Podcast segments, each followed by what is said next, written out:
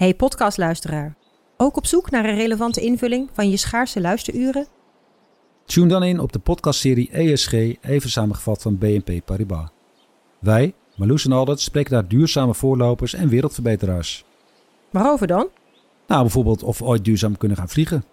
En waarom koeien in de stad nou een goed idee is? Dat en meer elke twee weken in een nieuwe aflevering. Dus abonneer je. ESG, even samengevat. Al 125 jaar kwaliteit voor jou thuis met Miele. Dat vieren we met jou. Ontvang nu tijdelijk een cashback tot 125 euro op veel Miele-apparatuur. Geniet van de kwaliteit van Miele. Voor perfect verzorgd wasgoed en kleding die veel langer mooi blijft. Voor een stralend schone vaat, even perfect als jouw diners. En een stofvrij thuis waarin echt hygiënisch schoon de standaard is. Check miele.nl voor alle feestelijke aanbiedingen.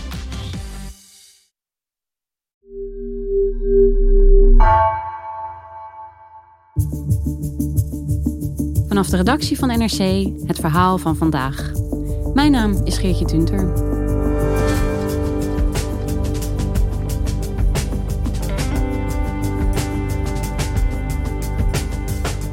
Nederland stopt voorlopig met het AstraZeneca-vaccin voor mensen onder de 60. Nadat het Europees Medicijnagentschap woensdag naar buiten bracht dat er mogelijk een verband is tussen het vaccin en een zeer zeldzame vorm van trombose. Wetenschapsredacteur Nicky Korteweg legt uit wat we weten over deze ernstige bijwerking. Hoe groot zijn de risico's?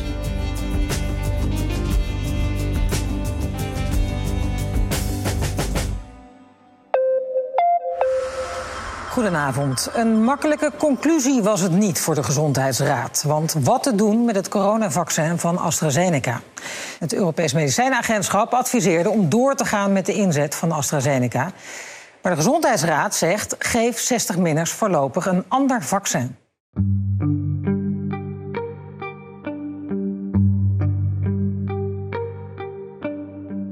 Nikki, gisteren heeft de Gezondheidsraad besloten uh, om het vaccineren van 60-minners met het AstraZeneca-vaccin voorlopig te staken. Uh, maar eigenlijk werd de aanloop naar dit besluit al een dag eerder genomen, hè? Ja, Woensdag om uh, vier uur kwam de, de EMA met haar oordeel over de mogelijke bijwerkingen van het AstraZeneca-vaccin. Daar had uh, de Veiligheidscommissie, de PRAC van de EMA, zich over gebogen. En dat was naar aanleiding van uh, tientallen meldingen in Europa van een heel opvallende vorm van trombose. Uh, bloedstolsels waarbij ook een bloedplaatjestekort optreedt. Dus ze hebben al die gevallen heel nauwkeurig bekeken. The Prague, after a very in-depth analysis, has concluded that the reported cases of unusual blood clotting following vaccination with the AstraZeneca vaccine should be listed as possible side effects of the vaccine. En topvrouw Emmer Koek zei dat het inderdaad waarschijnlijk is dat het een bijwerking is van het vaccin. Maar dat het uh, voordeel van het vaccin, dus de bescherming die het biedt tegen COVID en alle ernstige ziekten en sterfte die daarbij hangt, dat dat nog steeds opweegt tegen dit zeldzame nadeel. Vaccination is extremely important in helping us in the fight against COVID 19, and we need to use the vaccines we have to protect us from the devastating effects. En wat betekent dat in de praktijk? Nou, in de praktijk zeggen ze. Um, er moet nu in de bijsluiter komen te staan dat dit een zeldzame bijwerking is van dit vaccin. En ieder land op zich moet dan zelf een oordeel vellen over hoe ze dat vaccin willen inzetten. En het gaat dus om een heel zeldzame vorm van trombose, dat zei je net al. Kan je daar iets meer over vertellen? Wat weten we daarover nu? Die vaccinatiecampagne is al een keer eerder op pauze gezet, omdat er allerlei uh, meldingen waren van trombose. De GGD is tienduizenden afspraken aan het afbellen van mensen die deze week het AstraZeneca-vaccin zouden krijgen. De overheid besloot namelijk gisteravond tijdelijk te stoppen met dat vaccin na signalen van ernstige bijwerkingen. Germany, France, Spain and Italy are all taking the precautionary measure of suspending use of the vaccine because of fears about possible side effects, including blood clots. De EMA had zich daar al over gebogen en geconcludeerd dat met gewone trombose uh, dit eigenlijk niet, dat is geen bijwerking van dit vaccin. Dat is dan een trombose die in je been bijvoorbeeld ontstaat of in je arm uh, en soms die in je longen terechtkomt. Maar deze zeldzame vorm van trombose, dat hebben ze nu uh, een aantal keren gezien. Dat wordt ook steeds meer gemeld. En dat is een gekke combinatie van trombose, dus bloedstolsels, samen met een verminderd aantal bloedplaatjes. Waardoor je juist weer bloedingen krijgt. Bloedplaatjes die vormen bloedproppen, die maken ook een korstje als jij een wond hebt. Mhm. En als je daar een tekort aan hebt, krijg je bloedingen. Dus dat is eigenlijk heel gek. Je krijgt stolsels die je bloedvat kunnen afsluiten, maar ook bloedingen. En in heel veel gevallen gaat het om hersentrombose. Dus dan krijg je een bloedprop in je hersenen en een bloeding. Uh, maar er zijn ook gevallen gemeld van uh, trombose in de buik, waarbij die bloed, dat bloedplaatjestekort is. Uh, ja, dat is een, een heel opvallende aandoening eigenlijk. Ze zijn nog heel erg aan het zoeken naar wat dat dan, hoe dat kan ontstaan na zo'n vaccinatie. maar er zijn wel aanwijzingen uit Duitsland dat het um, mogelijk kan zijn dat door die vaccinatie uh, bepaalde afweerstoffen zijn opgewekt tegen bloedplaatjes. Dus die zorgen er dan voor dat die bloedplaatjes geactiveerd worden en gaan klonteren. En dat, ze, dat er een tekort aankomt. Ja, en dat beeld bedoel je dus die combinatie inderdaad van trombose en bloedingen. Ja. En dat is dus ook, zoals je zegt, wat deze hele zeldzame vorm eigenlijk onderscheidt van gewone trombose. Om, ja. om het zo te ja. formuleren. Bij gewone trombose heb je tussen aanhalingstekens alleen maar stolsels. Ja. Uh, dat kan natuurlijk ook wel heel uh, ongelukkig uitpakken. Dus dat is zeker iets waar je ook uh, mee naar de dokter moet. Maar dat komt heel veel voor, trombose, Mhm. mm -hmm. relatief. en deze aandoening waar ze nu naar kijken, dat is echt ontzettend zeldzaam. Nou hebben we natuurlijk de laatste tijd heel veel gehoord over deze zeldzame vorm van trombose. Maar dan vooral in combinatie met um, ja, de angst dat dat vaker voorkomt bij jongere vrouwen. Dus vrouwen onder de 60 ongeveer. Wat heeft de EMA daarover gezegd? Daarover heeft ze gezegd dat dat niet vast te stellen is dat dat in die groep vaker voorkomt. Based on the current available evidence, specific risk factors such as age, gender, or previous medical history of, of clotting disorders have not been able to be confirmed, as the rare events are seen in all ages and in men and women. Dat beeld dat ontstond wel mm -hmm. al bij de eerdere prikstop, omdat je deze zeldzame bijwerking is voornamelijk gemeld uh, door door vrouwen en voornamelijk door mensen onder de 60 jaar. Maar dat kan ook komen doordat vrouwen meer zijn gevaccineerd met dit AstraZeneca-vaccin. Het is vooral in die leeftijdsgroep gegeven aan mensen die in de zorg werken. En ja, daar werken gewoon heel veel vrouwen ja. in de zorg. Dus de aantallen die gemeld zijn nu zijn nog te klein om, om echt te kunnen zeggen of vrouwen een risicogroep vormen. En ook de leeftijd. Ja, de, de aantallen zijn nog te klein om te kunnen zeggen of het risico hoger is uh, onder de 60, omdat ze het ook wel eens bij oudere mensen zien. Ja, dus eigenlijk is dit uh, ja, een heel incomplete dataset nog. Ja, het is eigenlijk toch weer een tussenstand. Maar ja, dat kan natuurlijk, het kan zich verder ontwikkelen. Um, maar als we even kijken naar de koele cijfers, waar jij je natuurlijk ook over gebogen hebt. Hoe kun je dit risico van dit AstraZeneca-vaccin afwegen tegen het risico uh, van COVID voor dus mensen onder de pakweg 60. Als je kijkt naar dodelijke afloop. Ja, dat is wel een, een lastige rekensom. Um, het aantal mensen dat nu aan COVID gestorven is, um, dat getal is natuurlijk bepaald ook door dat we al een heel jaar in lockdown zitten en COVID niet heel erg rondgaat. Uh, maar op zich, als je nu naar de cijfers kijkt, de EMA heeft uitgerekend dat de kans op deze zeldzame bijwerking ja, pakweg 1 op de 100.000 is. Misschien is het iets lager. Dan heb je die bijwerking. Dan ben je natuurlijk nog niet overleden. En aan de andere kant, als je kijkt naar die leeftijdsgroep, mensen onder de 60, um, daar zie je toch nog wel dat er mensen sterven aan COVID. In de hele pandemie zijn er in Nederland bijvoorbeeld 450 mensen onder de 60 gestorven aan COVID. En uh, als je dat dan afzet tegen het aantal mensen dat positief is getest, wat natuurlijk ook een beperkte selectie is, dan, dan komt dat toch al neer op 45 per 100.000 mensen die overleden zijn aan COVID onder de 60 jaar. Dat is een momentopname, maar het geeft wel aan dat het echt een groot probleem is, COVID. Een veel groter probleem dan deze zeldzame aandoening. En wat nou als je juist kijkt naar 60-plussers? Stel bijvoorbeeld dat mijn ouders een oproep krijgen om met AstraZeneca uh, gevaccineerd te worden en ze twijfelen. Wat zou jij ze dan zeggen? Ja, dan zou ik toch uh, ze vertellen dat, dat uh, de kans dat ze COVID oplopen groot is. En de kans dat, dat dat nadelig uitpakt, dat dat slecht afloopt, is ook veel groter voor die leeftijdsgroep. Veel groter dan de kans op deze eventuele zeldzame bijwerking. Dus voor 60-plussers valt die balans echt heel duidelijk positief uit.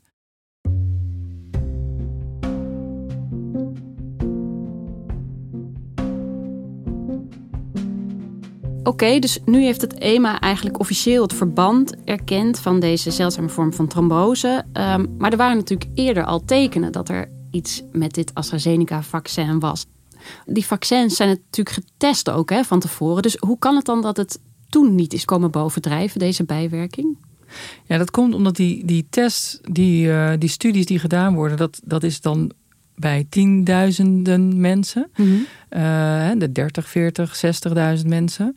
De bijwerkingen die veel voorkomen, die zie je daar. Um, en dat zijn dan bijvoorbeeld de pijn op de prikplek of koorts of grieperig in de dagen na de vaccinatie.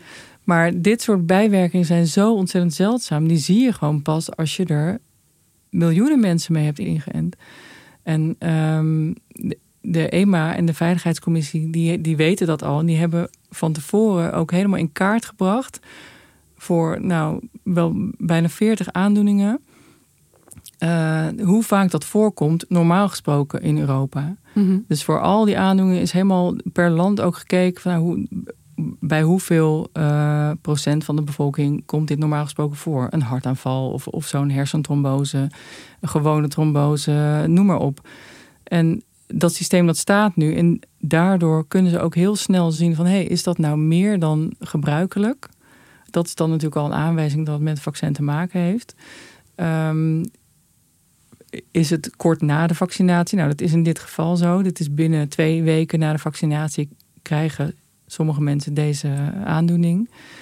Um, en daarnaast hebben ze nu dan ook gekeken naar: uh, is er een, een denkbaar mechanisme waardoor een vaccin zoiets zou kunnen veroorzaken? En hè, op basis van eigenlijk die drie dingen: het mechanisme en uh, de epidemiologie en het verband in de tijd, die die, dingen, die die dingen samen maken dat ze nu concluderen: oké, het is wel heel erg waarschijnlijk dat dit een bijwerking is.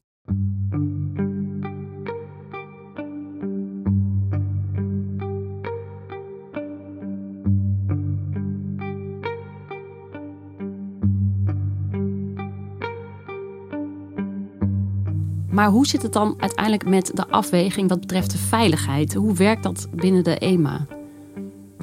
Uh, ja, de EMA die heeft um, een, een, veiligheidscommissie, of ja, ze noemen het zelf eigenlijk liever het Geneesmiddelenbewakingscomité, uh, de PRAC. En uh, daar zitten vertegenwoordigers in van alle lidstaten uit Europa. Um, vanuit Nederland zitten daar bijvoorbeeld mensen in van het College ter Beoordeling van Geneesmiddelen, het CBG. De voorzitter van die PRAC is een uh, Nederlandse uh, vrouw van het CBG ook. Uh, Sabine Strauss. En ik heb haar gesproken omdat ik ook wel eens wilde weten hoe, hoe die afweging nou precies gemaakt wordt. Um, en zij legde uit dat ja, zo'n afweging is natuurlijk ontzettend moeilijk. Bijvoorbeeld als je een middel hebt wat heel goed werkt tegen kanker, mm -hmm. dan accepteer je dat mensen kaal worden. Dan zeg je van oké, okay, het is een hele ernstige aandoening, het werkt echt wel goed. Dus helaas kaal worden accepteren we hier als bijwerking. Maar als je zo'n middel hebt tegen hoge bloeddruk en, en het werkt heel goed en mensen worden kaal, dan zeg je van ja, sorry, maar we hebben alternatieven, goede alternatieven. En ik denk niet dat een, bloeddruk uh, onder controle brengen opweegt tegen het kaal worden in dit geval. Dus eh, bij die weging spelen allerlei dingen mee. Of er alternatieven zijn, hoe ernstig uh, datgene is wat je wil voorkomen. Um, ja, al die, al die dingen spelen mee. Dus niet alleen de coole cijfers, maar ook al dat soort afwegingen worden meegenomen in die overwegingen van de PRAC. En ze kijken niet in scenario's in de toekomst. Stel dat je uh, wel zou doorprikken met AstraZeneca, uh, dan scheelt dat zoveel doden. En als je niet zou doorprikken, scheelt dat zoveel doden. Nee, die, die rekensommen zijn heel moeilijk te maken. Want ja, hoeveel mensen er zullen sterven aan COVID, dat kun je heel moeilijk inschatten, omdat we ook nog allerlei maatregelen aanhouden. Hè, als je in een halve lockdown zit, is het risico op COVID nog anders dan wanneer je alles loslaat. We gaan geen berekeningen maken van ehm, als we het geven gaan er tien mensen dood, als we het niet geven gaan er honderd dood. Dat, dat soort berekeningen, dat maken wij binnen de PRAC niet. Dus ze zeggen met al die variabelen kunnen wij geen rekening houden. Nee, zij, zij houden zich echt bij het middel en de veiligheid. En het is dan aan de landen aan, hè, waar de situatie uh, speelt, om te kijken hoe je dat vaccin inzet.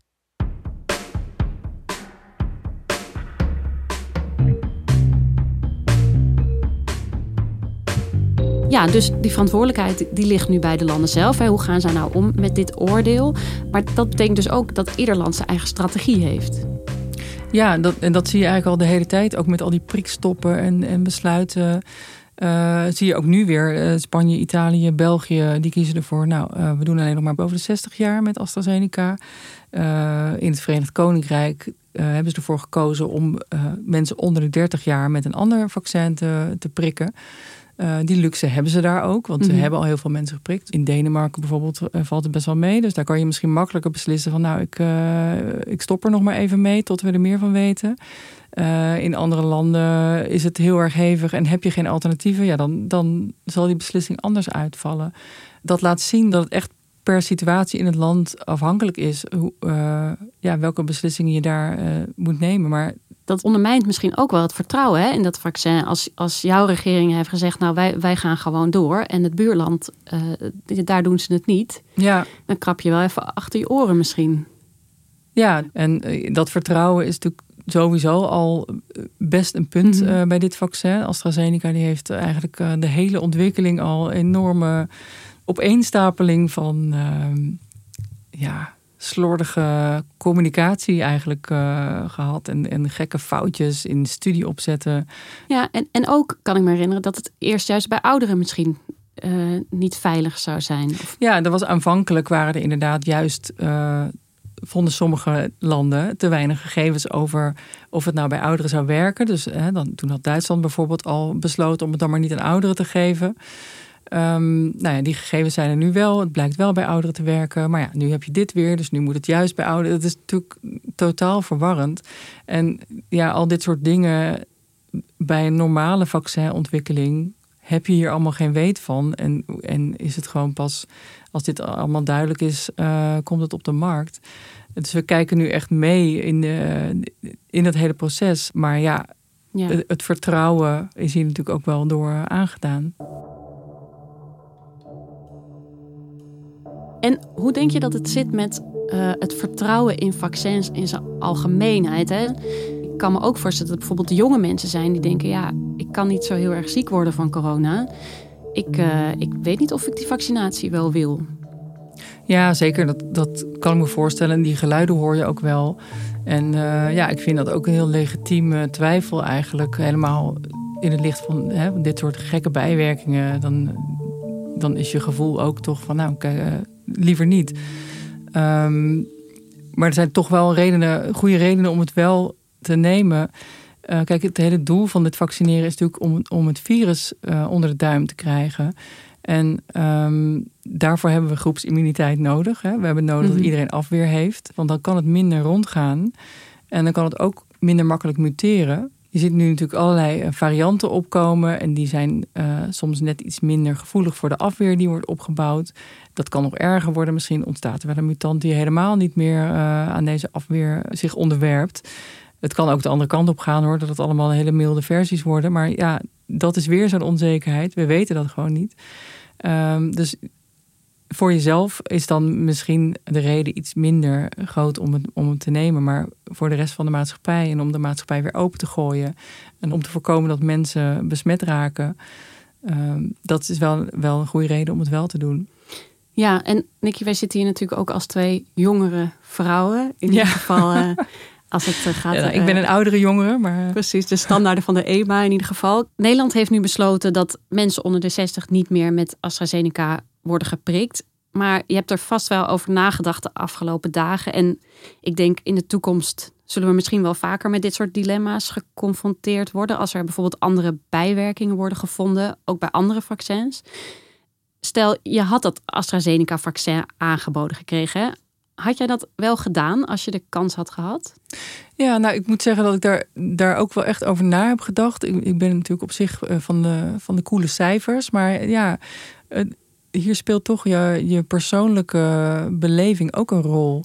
En uh, nou, ik, ik uh, ben dus al een wat oudere jongen volgens de normen van de EMA. Dus ja, het risico op, op bloedstolling is misschien ook wel ietsje hoger voor mij. En um, ja, ik moet wel zeggen dat ik daar wel even over heb gedacht. Van zou ik dat nou doen? Um, hè, als je de keuze hebt. Maar goed, ik heb, ik heb me toch maar even weer in de getallen verdiept. En dus als ik alles bij elkaar neem, dan valt voor mij de keuze toch uit om, dit, om zelfs dit te nemen. Uh, als me dat wordt aangeboden. Liefst vandaag, want ik wil gewoon zo graag dat dit voorbij is.